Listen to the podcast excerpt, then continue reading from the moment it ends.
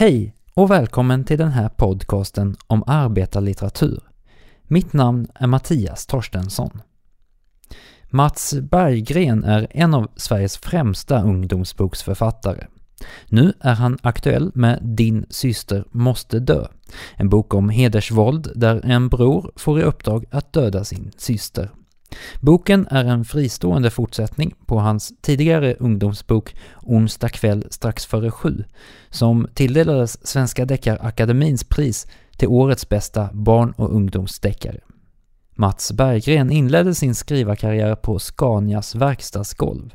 Sedan debuten med Orent ackord 1987 har han försörjt sig på sitt skrivande. Han har varit ledamot av Svenska barnboksakademin och suttit i juryn för litteraturpriset till Astrid Lindgrens minne. Vi träffas i hans skrivarlya på Södermalm i Stockholm. Han bjuder på bulle och te och jag tar fram mitt anteckningsblock med frågor. Jag vill veta varför han valt att skildra hedersvåld och vilka utmaningarna var. Jag undrar också över vad som egentligen skiljer en ungdomsbok ifrån en vuxenbok.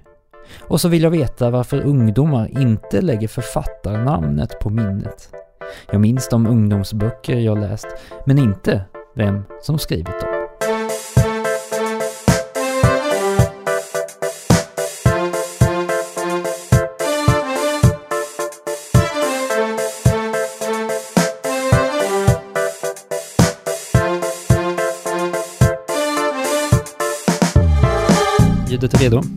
Det är bra så här. Nu ska jag hålla så här i evighet. Ja, ja precis. Jag mm. kommer justera lite här. Mm. Uh, yes. Mats Berggren, hej och välkommen till podcasten. Tack så mycket. Du är aktuell med din senaste bok, Din syster måste dö. Du skriver om hedersvåld. Varför vill du skriva om hedersvåld? Uh, ja, alltså jag har ju säga, hållit på med den frågan förr. att säga. Uh, och var inblandad i en del diskussioner på Facebook kring det här. Ehm, där jag då... Eh, alltså, det är ju så, alla mord är ju lika illa, så att säga.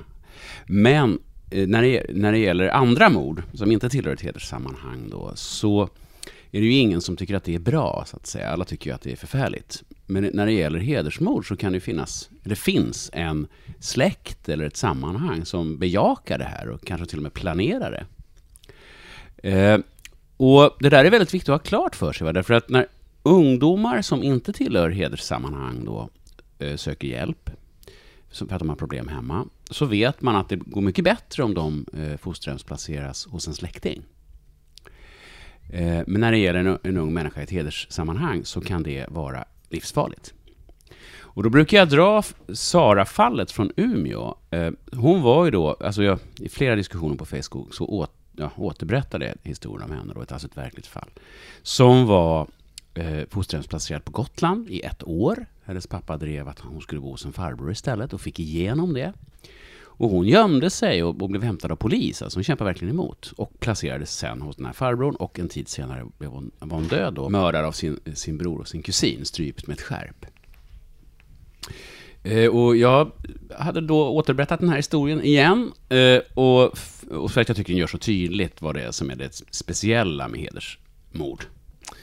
Eh, och så gick jag ut till återvinningen med, med soporna och så kom jag på att det här är ju en, eh, det här är ju en ungdomsbok. Eh, och så skrev jag den då. Eh, och eh, och det, alltså det är inte Sara-fallet, utan jag har läst allt jag kommit över som handlar om hedersvåld och också haft kontakt med en tjej som har egna erfarenheter. Eh, och jag har plockat från olika fall då. Mm. Eh, och boken är ju till, eller kom ut i samband med 15 års, eh, eh, det är 15 år sedan eh, mordet på Fadim. Ja. Men det är också, hedersvåld det är ju någonting som berör ungdomar och du skriver ju ja. ungdomsböcker. Hur, hur viktig var, var den kopplingen? Ja, alltså grejen är ju att jag är ju ute jättemycket i skolor och inte sällan i olika förorter och så med mycket invandrarungdomar. Och, och jag pratar ju om den här boken nu. Eh, och då är det klart att jag tänker ju att någon, det kanske sitter någon där inne som har de här problemen. Och vad som är så speciella med den här boken också, för det finns några ungdomsböcker som handlar om hedersvåld, men eh, det är ju då att jag berättar det här ur eh, systerns, pojkvännens och broderns synvinkel. Han, alltså din syster måste dö. Första meningen är vi har bestämt att din syster måste dö och det är du som ska ta hand om det, sa pappa. Alltså att brorsan får i uppdrag att döda sin egen syster. Och att jag berättar ur hans synvinkel också.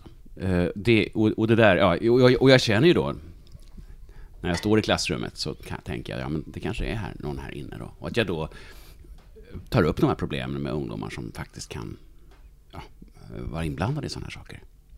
Hur eh, har det här ämnet skildrats i litteraturen tidigare? Uh, ja, det, för det är ju en sak då att det finns ju en del vuxenböcker som handlar om det. Eh, och de är alltid skrivna av sådana som själva inte har de här erfarenheterna. Sen finns det, och, det är samma sak med ungdomslitteraturen då, det finns några sådana böcker. Men att eh, eh, Kristina eh, Valdén till exempel, som ju var kriminalreporter på Svenskan, Svenska Dagbladet ganska länge, hon har skrivit en bok som heter Fallen flicka, som handlar om en, en balkong, balkongflicka, alltså en som kastas ner från en balkong. Eh, men, och grejen är alltså att de som själva har de här erfarenheterna, eh, de skriver inte om det därför att de trots allt inte vill lämna ut sin familj. Va? Så att så länge som eh, de inte gör det så, så får vi andra göra det. Att säga. Jag skrev alltså 2004 en bok tillsammans med en tjej som, den boken hette Svennehora. Och hon hade egna erfarenheter. Eh, men hon blev skraj och den drogs in. Så att det, det, ja, eh, det, det är enda möjligheten tills vidare då, att vi som eh, står utanför kan berätta de här historierna. Annars kanske de inte blir berättade. Mm. Ja, och samtidigt så, så vet jag att det finns ju, idag råder ganska mycket, eller har rått i alla fall i vissa delar av samhällsdebatten, en, en åsikt om att man inte kan skildra sånt man inte själv har varit med ja, om. Då faller ju hela världslitteraturen. Shakespeare var aldrig kung. Alltså, Eh, Eh, Melville jagade inte vila, vita valar. Eh, Cervantes var aldrig riddare. Alltså, Bodil Malmsten sa att ja, men om man ska skriva om sig själv, då får man skriva om en medelålders författare som inte kan skriva. Alltså, det är klart, alltså att vara romanförfattare handlar ju om att kunna leva sig in i de som inte är som man själv. Eh, och det är klart att jag, och jag är ju dessutom inte tonåring, va? Så att jag, och, och jag är inte tjej heller. Eh, och, eh, så att det, jag måste ju lägga ner ett stort jobb naturligtvis på att ta reda på hur det ligger till och intervjua folk och läsa och besöka platser och sånt där. Va? Eh, och, och, det här tycks lyckas. Alltså, de här böckerna är väldigt populära bland, bland invandrarungdomar i förorterna. Eh, väldigt populära faktiskt. Men var du orolig för den eh, kritiken? Eller? Nej, alltså jag har ju sett den där debatten. Jag skulle gärna ta den med någon. Eh, så. Har... Jag ska faktiskt ha ett, ett, seminarium på Bokmässan som ska handla om det här. Får man skriva om det? Det är jag och så är det någon som jag inte kommer ihåg vad heter som skriver i samefantasy och bor i Skåne som inte är same. Alltså det, och så någon till. Någon som skriver historiska romaner. Eh, eh och, och, just alltså jag skulle gärna ta den diskussionen. Eh, men sen finns det naturligtvis en gräns. Det är klart att det är så att eh, jag inte kan komma lika långt som den som själv har den här bakgrunden och har sådana här erfarenheter. Eh, och det, men så länge som de inte kommer så ja, är det här det bästa vi kan få, så att säga. Jag hade ju en release och då så eh, var det en docent på Socialhögskolan, Astrid Schlytter, som har jobbat med de här frågorna i 20 år. Sen Sara-fallet faktiskt. Eh, som jag samtalade med på releasen och, och, och, hon, eh, och jag visste inte vad hon skulle tycka. Men hon gillar ju boken och, och det har lett till att, att de här Glöm aldrig Pela och Fadime och så vidare, andra som, jobbar, som verkligen jobbar med hedersvåld har ja, bejakat den så att säga och köpt och sprider och sådär. Eh, så att eh, här har, ja, den här, den här gången jag tycks jag ha lyckats i alla fall. Vad är ditt mål med, med, med, när du skriver? Alltså du skriver för ungdomar, är det för, i det här fallet handlar det om att, eh, att ungdomar ska känna igen sig och kanske förstå och också eh, komma underfund med de här problemen? Ja, alltså jag, jag tänker ju inte i budskap, utan jag tänker i undersökning. Jag undersöker ett problem. Uh, och i det här fallet undersöker jag ju hedersvåldet då. Och sen vill jag ju att läsarna ska börja ja, fundera över de här sakerna och så. Va? Och i, i, bok, min bok finns ju också jag menar, kontaktuppgifter ifall man har liknande problem och sådär. Um, ehm, så att jag, och, och, och det är så, varje bok har ju sin idé. Den förra ungdomsromanen som heter Onsdag kväll strax för sju, eh, det handlar ju om hur muslimska ungdomar i en förort blir klämda mellan rasister och sverigedemokrater på ena sidan och islamister på andra sidan. Eh, och, och, och undersöker det då, att säga. Ehm, eh, och, boken innan den handlar om hur det växer upp varannan vecka hos mamma och pappa. Och undersöker hur det är. Men, men slutsatserna får läsarna dra själva. Men jag sätter frågor i spel och försöker få ungdomar att börja fundera över dem. Då. Mm. Ja, på tal om, du nämnde här, eh, det här är ju en uppföljare till ja. en tidigare bok. Eh, och du har sagt någonstans att eh, du blir så trött på böcker efter ett tag, att du inte orkar jobba med dem mer. Ja, alltså efter ett tag, då har jag ju skrivit om väldigt många gånger. Men man, jag når en punkt då jag inte orkar se skiten mer. Eh, och då, eh, och det är att man blir blind för det. Va? Man blir blind för om det är bra eller dåligt. Man har sett det så många gånger. Men här är det en uppföljare som... Ja, men det är ju en ny historia. Det är en ny historia. Uh, och det är ju bara en av, det är en av personerna. Alltså en, förra boken hade sex huvudpersoner. Uh, och så är det en av dem som är med. Han är pojkvännen i den nya boken. Då. Och, och den, det fin, alltså, den nya boken är ju... Jag menar, man kan ju läsa den utan... Du har inte läst den första, eller hur? Nej. Nej, du kan, kunde läsa den ändå. Mm. Och det var inga som helst problem. Uh, så att det här är, det är ju en ny berättelse, en ny historia. Och det går ju. Så, och jag, så, att, eh, så karaktärerna kan, de, de kan hänga med liksom? Ja, ja, de, de ja, det kan inte på det, Nej, det kan de göra. Jag har ju skrivit, jag skrev ju en serie för länge sedan som utspelar sig när jag själv var ung. De två killar som heter Mats bägge två. Eh, som heter Kalsonger med gröna älgar, Trosor med röda rosor och B med vita spetsar. Eh, och, och då är det ju samma killar. Så. Eh, sen är den, de också så att det går flera år emellan och handlingen hänger alls, inte alls ihop och man kan läsa tredjedelen utan att ha läst de två första. Men, men eh, Ehm, men personerna tröttnar jag inte på. Det gör jag inte. Sen är jag ju en handlingsdriven författare. Ehm, alltså jag har en historia jag vill berätta och så hittar jag på de personer som jag behöver för den historien. Ehm, så att det, det är ju... Jag menar, man kan ju vara karaktärsdriven. Du hittar på Pippi Långstrump och så stoppar du in henne i 50 situationer. Um, och jag har ju träffat, jag träffade en amerikansk författare som heter, en, en föregångare inom ungdomslitteraturen som heter Robert Cormier. Och hans personer var så levande för honom så han kunde då gå och fundera över dem. Liksom. Ja, men vad gör hon när hon är 30? Och sådär. Och sen så kunde han skriva en liten snutt om det och sätta in i en pärm. Sådär, bara för sin egen skull och för att de här personerna var så levande. Eh, och så är inte jag, utan för mig, eh, jag berättar det jag vet. Eh, och, och sen så, och det är ju så mina läsare kan vara, ja men vad hände sen då? Och hur gick det med, ja hur går, det var en skola jag var på nu, ja men hur går det nu för papp, mamman och pappan i den här familjen? När, när det har slutat som det har gjort. Jag ska inte prata om hur det har gjort, hur det slutar, men att, men att, eh, så att för läsarna kan det ju bli väldigt levande och sådär. Men att det, och jag, vi hade också för den här onsdag kväll strax före sju, då utlyste vi en novelltävling där ungdomar över hela landet bjöds in att skriva en novell om någon av personerna. Vad händer när boken är slut? Och fick in då en massa bidrag. Och, och det var ju, för mig var det ju rätt häftigt då, alltså att eh, de här personerna som jag har skapat, att de är så levande så ungdomar då fantiserar vidare om deras liv och sådär. Men för mig är det väldigt mycket så att det är berättelsen som driver och när den är slut så är den slut. Och sen kan jag ju då använda personen i en annan berättelse onsdag kväll strax före sju var ju förlagan till den här. Ja, eller föregångaren. Ja, just ja, för, ja, mm. precis. Mm. Eh, och, men eh, de svaren du fick in, fick du användning för det i uppföljaren? Ja, alltså grejen är så här. Ja, eh, det är ju så att den boken börjar med ett, att en, ett dråp. Alltså en pojke är död.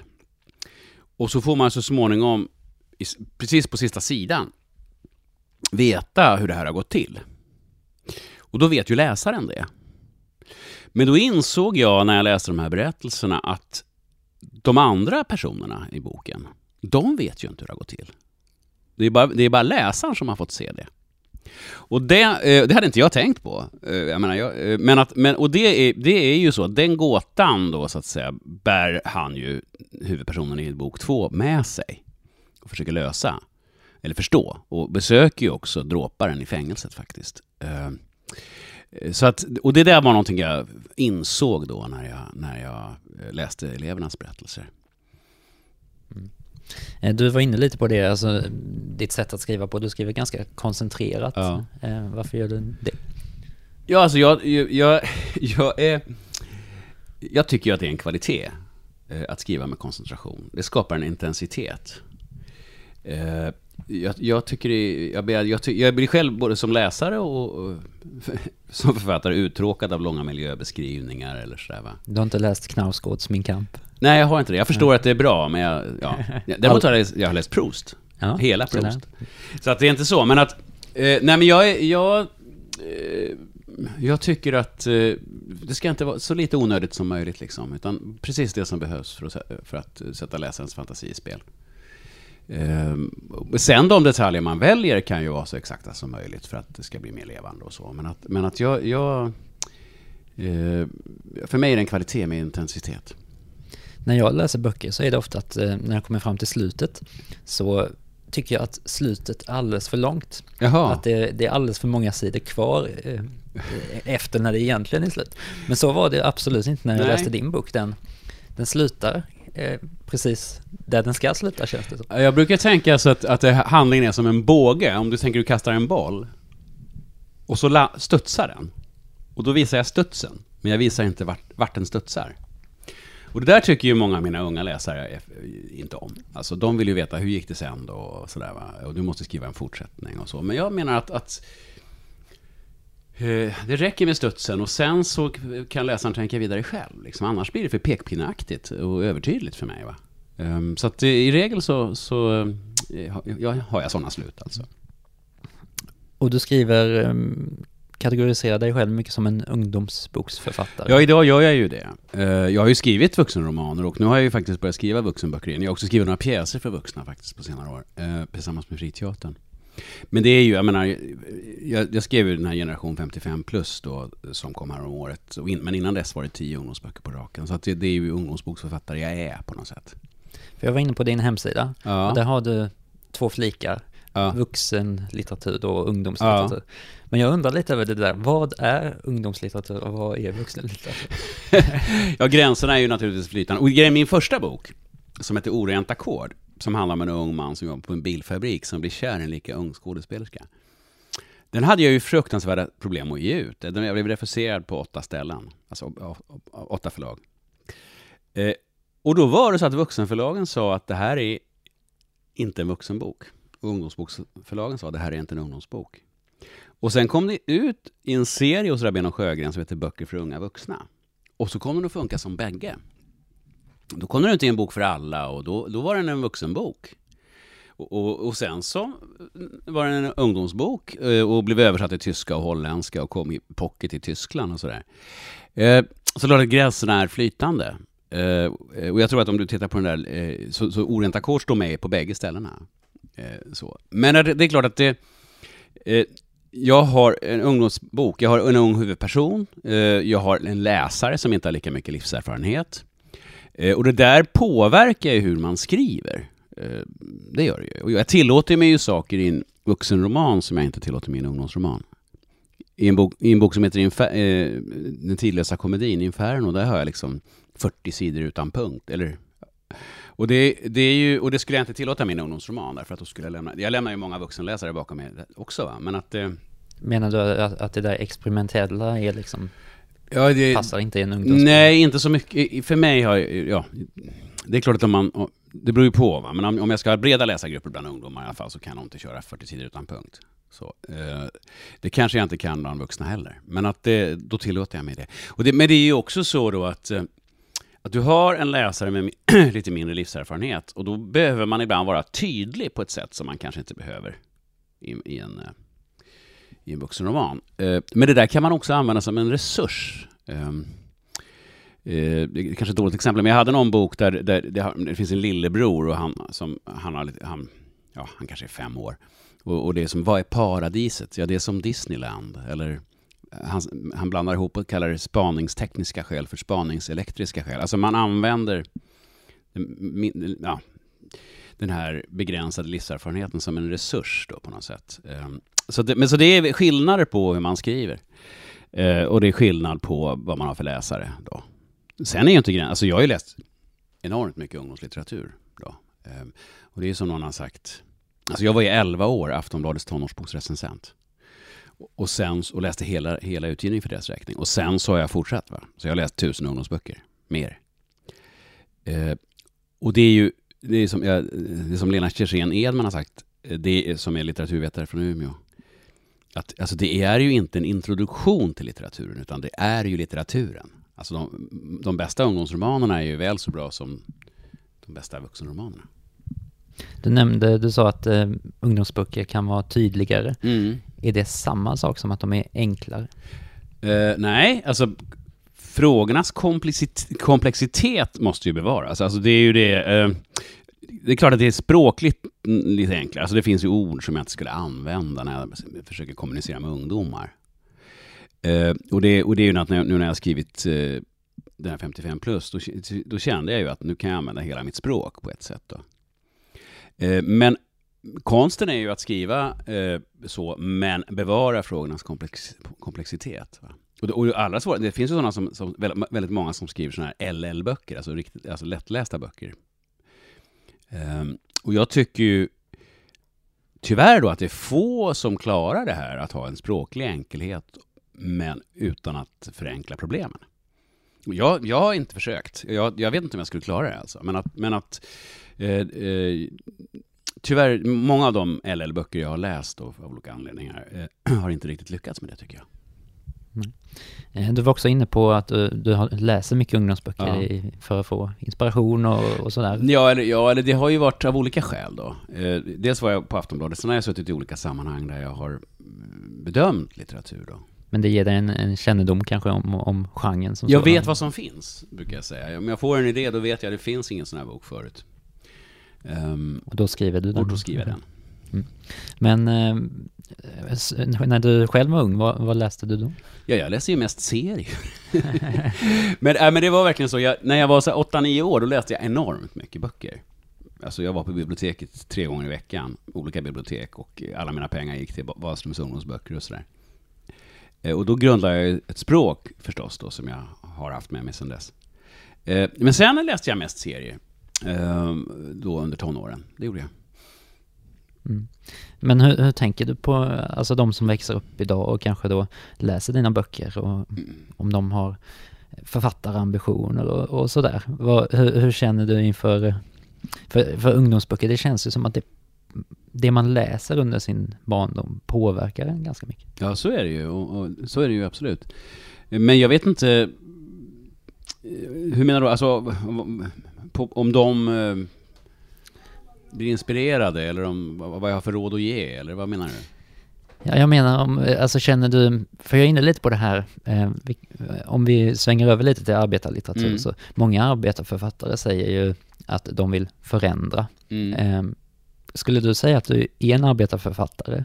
Och om du då har en vilja att förändra, hur, hur känner du då kring din möjlighet att att påverka när det kommer till ungdomar? Ja, men det är ju att, alltså jag ser ju mina, alltså, jag, alltså den viktigaste egenskapen för en barn och ungdomsboksförfattare, där man kommer ihåg hur det var. Alltså jag inbillar mig att jag har en tonåring här inne. Och att jag då kommer ihåg precis vad han tyckte och tänkte och kände. Och så ser jag egentligen mina ungdomsböcker som en sorts samtal mellan den vuxne jag och tonåringen jag, som då bor kvar här inne. Eh, och därmed blir det också ett samtal med mina verkligen tiotusentals läsare då.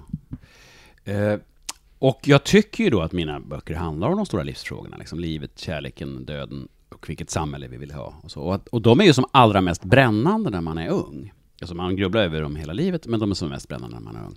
Och att ha det här samtalet kring de här frågorna eh, med unga människor genom mina böcker, det är ju väldigt meningsfullt. Eh, och då är det ju så, som sagt, alltså jag tycker ju inte att författaren kan tala om för läsaren vad läsaren ska tänka eller vad som är rätt eller så. Utan jag tänker på det som undersökningar. Men sen finns ju eh, i botten eh, mina värderingar. Eh, att, att man är emot hedersvåld är ju rätt självklart.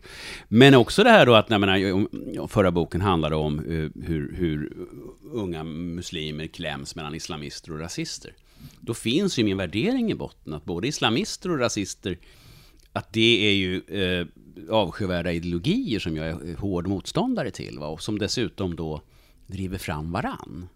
Eh, det blir ju jättetydligt. Va? Eh, IS gör ett dåd i, Frankrike innan valet. Ja, men är, man, alla räknar med att det är Le Pen som, som eh, gynnas. Va? De, sam, de, ja, det finns ett samspel mellan dem. De har samma världsbild. Att vi kan Ja, inte leva motstånd mot demokrati. Ja, jag menar, de har samma världsbild va? Vi kan inte leva tillsammans. IS har målet att muslimerna ska bli mer förtryckta för att de ska vända sig till dem. Och, och, sam, ja, alltså samma eh, polariserade sätt att tänka som Sverigedemokrater eller så har. Va? Eh, och, och jag menar en annan, handlar- en bok handlar om en rasistisk misshandel. I den ligger ju att jag förstås är motståndare till all rasism. Eh, så att, så att mina värderingar finns ju i botten. Så jag sätter ju de här frågorna i spel, eh, och så finns mina värderingar i botten, och så vill jag att ungdomar ska fundera på dem, och så ska de förstås... Och sen får de dra sina slutsatser, men det är klart att mina slutsatser, grund, de slutsatser de, jag vill att de ska dra grundar sig på mina värderingar. En bok ska svettas fram sitt budskap, sa Mar- Mario Vargas Llosa. Det tycker jag är ganska bra. Ja, och det gäller då även ungdomar. Ja, ja. Det, alltså, jag menar, pekpinnar, är- jag menar, det blir dålig litteratur. Eh, Vad är den största, du har skrivit ungdomsböcker, en, du nämnde en siffra här om det var ett antal år. Ja, eller jag har ju... Ja, nej, min första rena ungdomsroman kom ju 93. Mm. Nej, 91. 91. Så det är ju 25-26 år sedan. Ja. Mm. Det är samma år som jag föddes. ja. Eh, har det Du hänt? kanske har läst mig i skolan? Det är mycket möjligt. Eh, Jag kommer inte ihåg just namnen på författarna.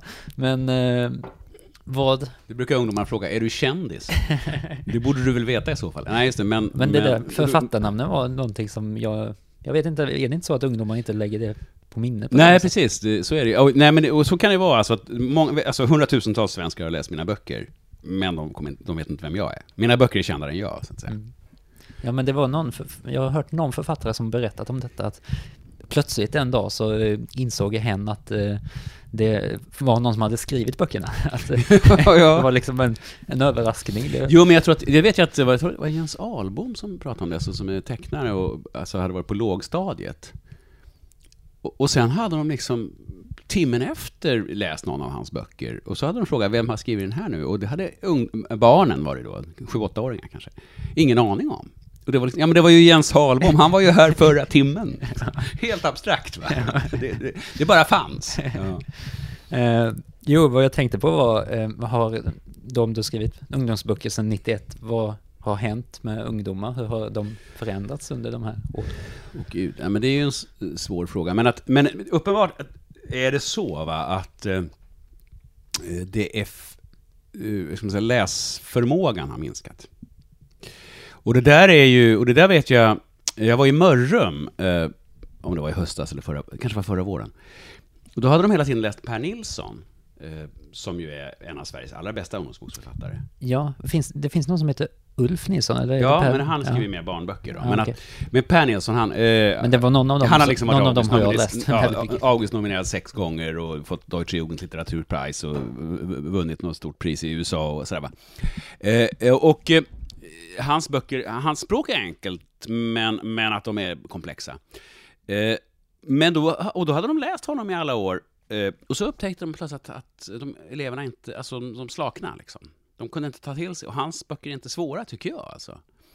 Eh, och, och så att det är, och, så, och nu har han faktiskt själv skrivit en enklare bok nu då. Eh, jag vet, ja, för att han ville det.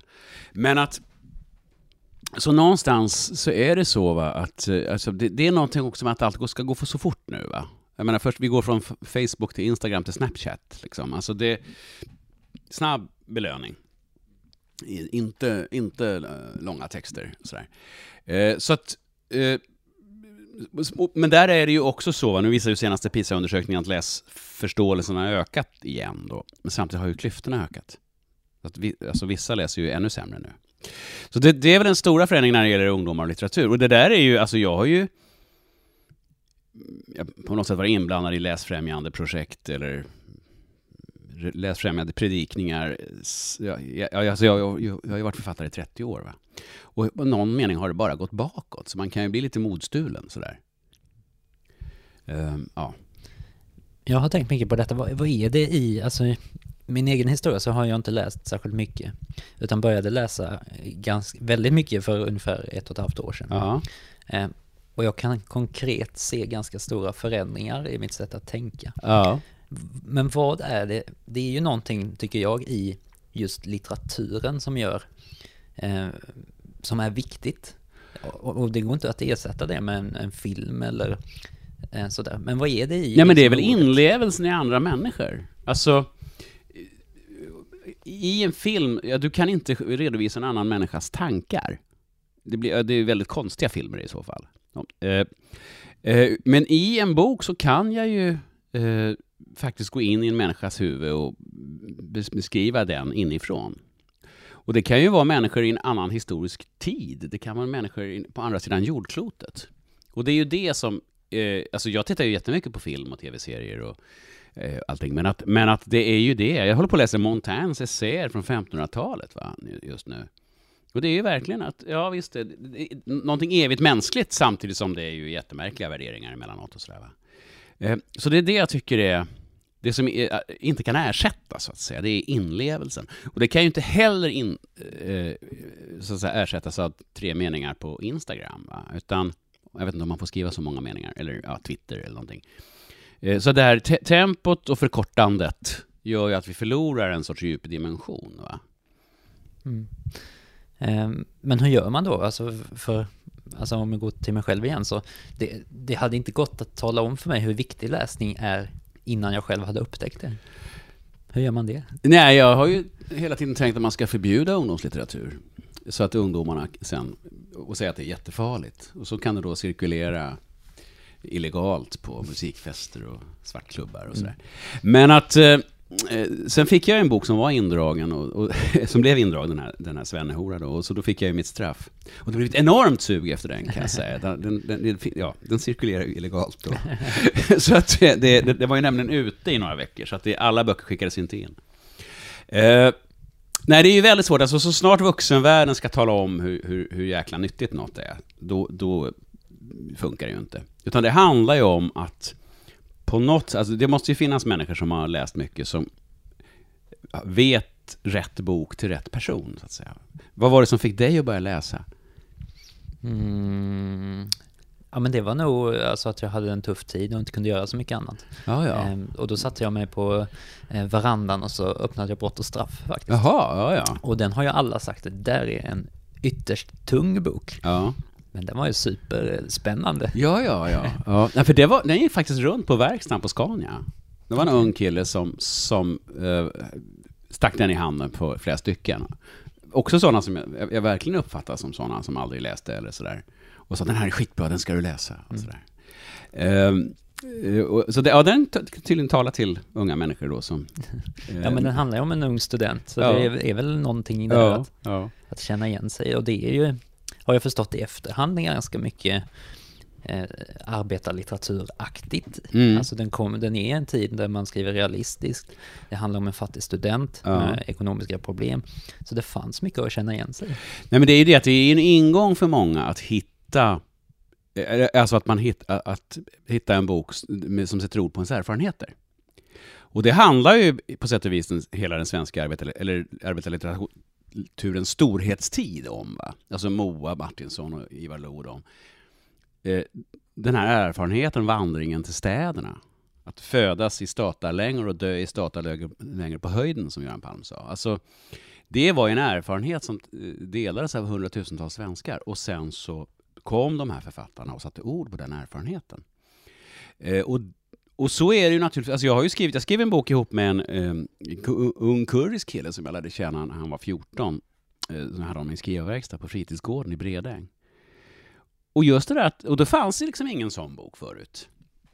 Alltså, som skildrade alltså en, ung killes uppväxt i förorten eh, och, och han hade rötter i en annan kultur än den svenska, då, utom Finland. Men, men, och, och, det, och det, det, den blev ju jättepopulär ute bland, ute i förorterna. Va? Eh, och, och, och det spelade inte så stor, att, han- stor roll att han var just kurd, då, utan, eh, utan ja, var man än kom ifrån kunde man identifiera sig med det här. Va? Eh, så det, det ska man inte underskatta, att när folk som inte läser, att de hittar någon som sätter ord på just deras erfarenheter. Det kan vara en ingång. Och, och det är ju det, när man en gång har hittat rätt bok och fått den här läsupplevelsen, den läsglädjen. Sen kan man ju gå vidare. Va? Men, att, men att det gäller att hitta den där rätta boken då. Ja, för mig utmynnade i 50 klassiker på ett halvår, så det var Ja, ja. Du gick direkt på klassikerna. Ja. Du hoppade över ungdomslitteraturen. Ja. Ja, det är ju lite Ja, den kommer jag till sen. Det är provocerande. Ja. Men eh, du skildrar ju ofta, alltså du skriver om förorten och du skriver Mm. om människor som, som arbetar på, eh, på fabriker och, och människor som, som står längre ner i samhällsskalan om Mm. man säger så. Vad, är det viktigt för dig att, att skildra den typen av människor? Eh, eller skulle du kunna skriva, eller har du kanske skrivit en ungdomsbok om, om någon i en annan klass? Ja, jag har, alltså, grejen är att i mina ungdomsböcker finns det ofta ett klassperspektiv. Jag har ju inte skrivit... Jo, men i en, en av dem som heter En enda kväll, det handlar om tre ungdomar som möts under en enda kväll och så förändrar alla tres liv. Då är det två som kommer från förorten och en som kommer som en överklasstjej då.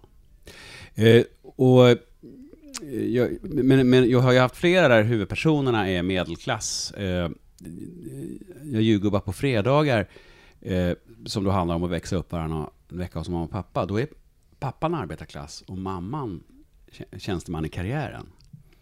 I Språkresan som handlar om en språkresa i England, då är det en medelklasskille från söder som när han kommer till England blir kompis med arbetarklass, både bland engelsmän och svenskar. Så att klassperspektivet finns eh, eh, ja, nästan alltid i mina ungdomsböcker. Men hur är det med ungdomsböcker generellt? Alltså vilken typ av eh, ungdomar är det man skildrar? Ja, eh, rätt mycket är det ju eh, vit medelklass. Alltså. Ju- Mm. eh, om jag ska vara väldigt generell nu, jag har inte någon statistik på det, men, men jag, eh, alltså arbetarskildring är ju inte jätte... Alltså när, när Orient Accord kom så var ju den, i den meningen, ja, banbrytande eller så. Alltså det, det, det fanns liksom inga sådana böcker. Um, och, och, och det... Så det, det är ju rätt mycket, och, och även när det är liksom det, det handlar om ungdomar i, idag, men, men det är inte alltid ett sam, eller rätt sällan ett samhällsperspektiv, utan det är mer liksom andra typer av problem. Så. Eh, men jag, nu har jag inte någon, liksom, gjort någon studie på det här, eller så, utan det här är min- bara min subjektiva upplevelse. Men tänker du på det att du vill skildra den typen av människor för alltså många författare som, som jag har pratat med ehm, och som jag arbetarförfattare säger att de just att det saknas arbetare i litteraturen och att det är deras uppgift att, att synliggöra arbetare. Ja, det blir ju så. så och, och jag menar, man måste tänka, jag jobbar ju på Scania, jag, mina första fyra böcker handlar om, om Scania-arbetare. Då. Eh, så att det är ju därifrån jag kommer på något sätt. Och så, men sen är det ju också så att jag söker ju historier som jag tycker är värda att berätta. Eh, och då har ju det väldigt ofta varit antingen eh, som ett klassperspektiv eller just det här med invandrarungdomar i förorter och sånt. Därför att det fanns inga sådana böcker. Det fanns ingen... Alltså när Bauer och jag skrev den här sent ute, det fanns ingen sån bok. Boken efter, Det finns inga skridskor i öknen, det var den första svenska ungdomsromanen med en muslimsk tjej med sjal som en av huvudpersonerna. Eh, så att det, det, eh, ja, det är hela tiden så att jag, och och det är ju så, att eftersom det finns ett underskott på de berättelserna då, så, så det är där jag hittar sånt som jag tycker är värt att berätta vidare. Jag har ju inte skrivit någon renodlad överklassskildring om jag säger så. Och där har jag ju inga erfarenheter heller, så att det, det är ju ja, ganska svårt. Mm. Men du skulle kunna göra research. Ja, ja, oh, gud, jag känner ju folk. Men att, men att, eh, och, och, ja, och i den här en enda kväll då, då, då gjorde jag ju massa research förstås om, om överklass och så, och intervjuade min, min adliga kompis och sådär. Jag vill prata lite om, om din senaste vuxenbok också, Ja. Generation 55 plus. Ja, Eh, för där skildrar du samhällsutvecklingen genom tre generationer. ja. Du skriver om, eh, jag vet inte om du vill kalla att, att det är dig själv? Eh, ja nej, men, det- jo, nej, men det som handlar om mig och min pappa ligger ju väldigt nära Mm. eh, verkligheten. Men det är, det är en man i i medelålder och så är det eh, fadern och så är det dottern. Ja. Eh, och dottern är fiktiv, vill jag gärna påpeka Mm. då. Alltså hon, har ju, hon gör ju och säger saker som min dotter aldrig har gjort. Men, att, men att, framförallt det som handlar om min pappa och min egen ungdom och så, det är ju, ligger väldigt nära ver- verkligheten och det var tror, ett, ett smart knep här att skilja samhällsutvecklingen mellan tre generationer. Vad, vad, vad skulle du säga är den största skillnaden mellan de här tre? Eh, ja, alltså jag ser det ju mer som en eh, kurva. Alltså det, gre, grejen var så här att vi, min bror och jag hittade ju pappas kärleksbrev till mamma. från slutet på 40 början på 50-talet. Och då är han ju... Alltså han är metallarbetare i Eskilstuna för det mesta i alla fall. Eh, och pluggar på kvällarna. Eh, och det finns ju hur mycket jobb som helst. Alltså. Han bara visar sig i Eskilstuna så har han jobb. Eh, men det finns inga bostäder. Han bor i fem år i en etta, alltså i en bäddsoffa hos sin syrra i hennes etta. Och så jämför jag med mig själv då i, i, när jag var i 20-årsåldern. Alltså, så jag, jag jobbade på Scania, jag var också metallarbetare och man fick ju fast jobb. Och man fick ju en eh, bostad, ett lite strul sådär. Och så jämför jag med min egen dotter då. Som, när, när jag skrev boken så då bodde ju vi tillsammans, hon och jag och hennes pojkvän i min lilla tvåa. Och det fanns inga lägenheter att få tag på. Och det finns inga fasta jobb. Hon har bara haft sådana här tillfälliga jobb och bemanning. Alltså det är fortfarande så. Bemanningsföretag och eh, ja, ett jobb i höstas som fick veta på torsdagen skulle gå på fredagen och sådär. Det, det är liksom... Eh, så då slogs jag av det där att när det gäller jobb och bostad, alltså att vi är tillbaka i någon sorts daglönarsamhälle och bostadsbrist och, och, allt sånt där. Va? Men sen är det ju också det att, eh, alltså pappa, alltså min farfar dog när pappa var nio. Och vi hittade, vi hittade ju då också ett foto från farfars begravning och då står pappa i ett stort blomsterhav med folk omkring sig som jag inte vet vilka de är. Och hans mamma är på sjukhus med vatten i lungan. Eh, hans småbröder är på barnhem. Det enda som finns det är hans två år äldre syster som står bredvid honom då. Helt ensamma i världen liksom. Och de var jättefattiga liksom. Alltså han, han ville rita och måla men han måste, det enda papper som fanns var insidan på knäckebrödspaketen. De hade en lampa och sådär va. Och sen då så blir han ju ingenjör och så småningom produktionsteknisk chef på Scania. Eh, och så dör han då som väldigt dement på ett äldreboende där allt bara blir sämre och sämre. Så han bär ju genom sitt liv då den svenska välfärdens uppgång och nedgång. Och det var ju det som jag då tyckte var intressant. Då. Och sen jämföra då, ja. Sen finns det ju en massa andra aspekter. Pappa cyklade till Köpenhamn, det var fantastiskt. Jag interrailade.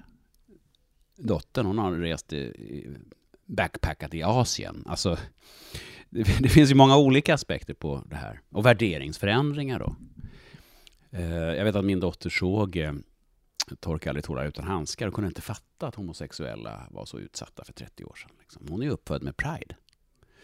Uh, så det, och de värderingsförändringarna tror jag ju är bestående också. Alltså kvinnan, alltså min mamma var hemmafru. Idag är det ganska självklart att dottern ska jobba. Alltså det, värderingsförskjutningarna tror jag är bestående, åtminstone delvis. Eh, medan då eh, klassklyftorna kommer tillbaka och arbetslösheten och, och, och bostadsbristen. Ja. Eh, och med det så får jag tacka för att du ville vara med. Tack själv.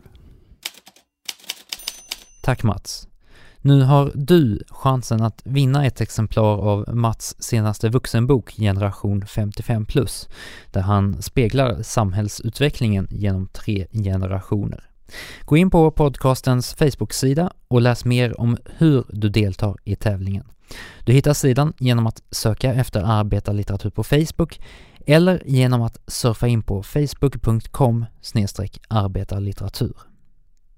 Nästa vecka träffar vi Emil Boss. Emil är aktuell med sin nya långdikt Acceleration som är utgiven på Kvittorulle. Det blir ett samtal om dagens arbetsvillkor och du får veta vad ett spagettidiagram är. Så missa inte det. Tyckte du om det här avsnittet får du gärna swisha en summa så att jag kan producera fler. Läs mer om hur du gör på arbetarlitteratur.com bidra. Och så avslutar vi med en glad nyhet. Podcasten har tilldelats Byggnads kulturstipendium. Den 16 maj tar jag emot priset av Socialdemokraternas partiordförande Stefan Löfven. Det är kul att eh, podcasten uppskattas. Tack för att du lyssnat. Vi hörs igen om en vecka. Tills dess, ta hand om dig. Vi säger så.